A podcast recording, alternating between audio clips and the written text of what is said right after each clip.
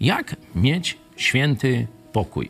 Mam nadzieję, że zwróciliście uwagę, że nie mówię o świętym spokoju, bo to jest inny przepis.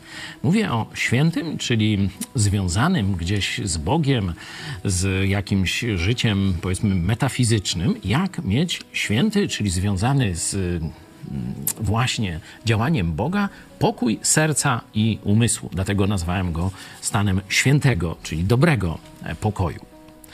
E, do odpowiedzi na to pytanie skłoniła mnie historia z 11 rozdziału Dziejów Apostolskich, gdzie e, chrześcijanie tamtych czasów wpadają w wielkie zamieszanie. Coś takiego jak konflikt o Jana Pawła II. Czy krył pedofilii, czy nie krył i jest święty i można się do niego modlić i tak dalej. Wielu katolików e, przeżywa właśnie jakieś duchowe rozdarcie, jakieś takie emocje, stan ducha taki niezwykły.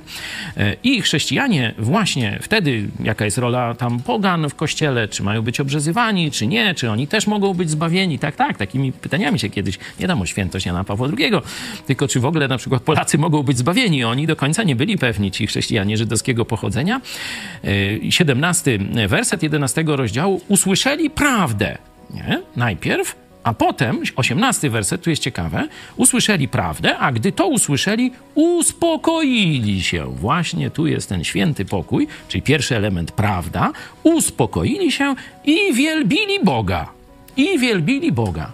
Czyli zobaczcie, dwie składowe świętego, prawdziwego pokoju. Prawda i właściwa relacja stworzenia do Stwórcy. Właściwa relacja z Bogiem. Bardzo podobnie apostoł Paweł opisuje to w liście do e, Filipian. Zobaczcie, czwarty rozdział. Mówi tak, nie troszcie się o nic, ale we wszystkim w modlitwie i błaganiach z dziękczynieniem powierzcie prośby wasze Bogu. A pokój Boży, który przewyższa wszelki rozum, strzec będzie serc waszych i myśli waszych w Chrystusie Jezusie. Prawda i uwielbienie Boga. Właściwa relacja z Bogiem. Prawda i relacja z Bogiem. Święty pokój.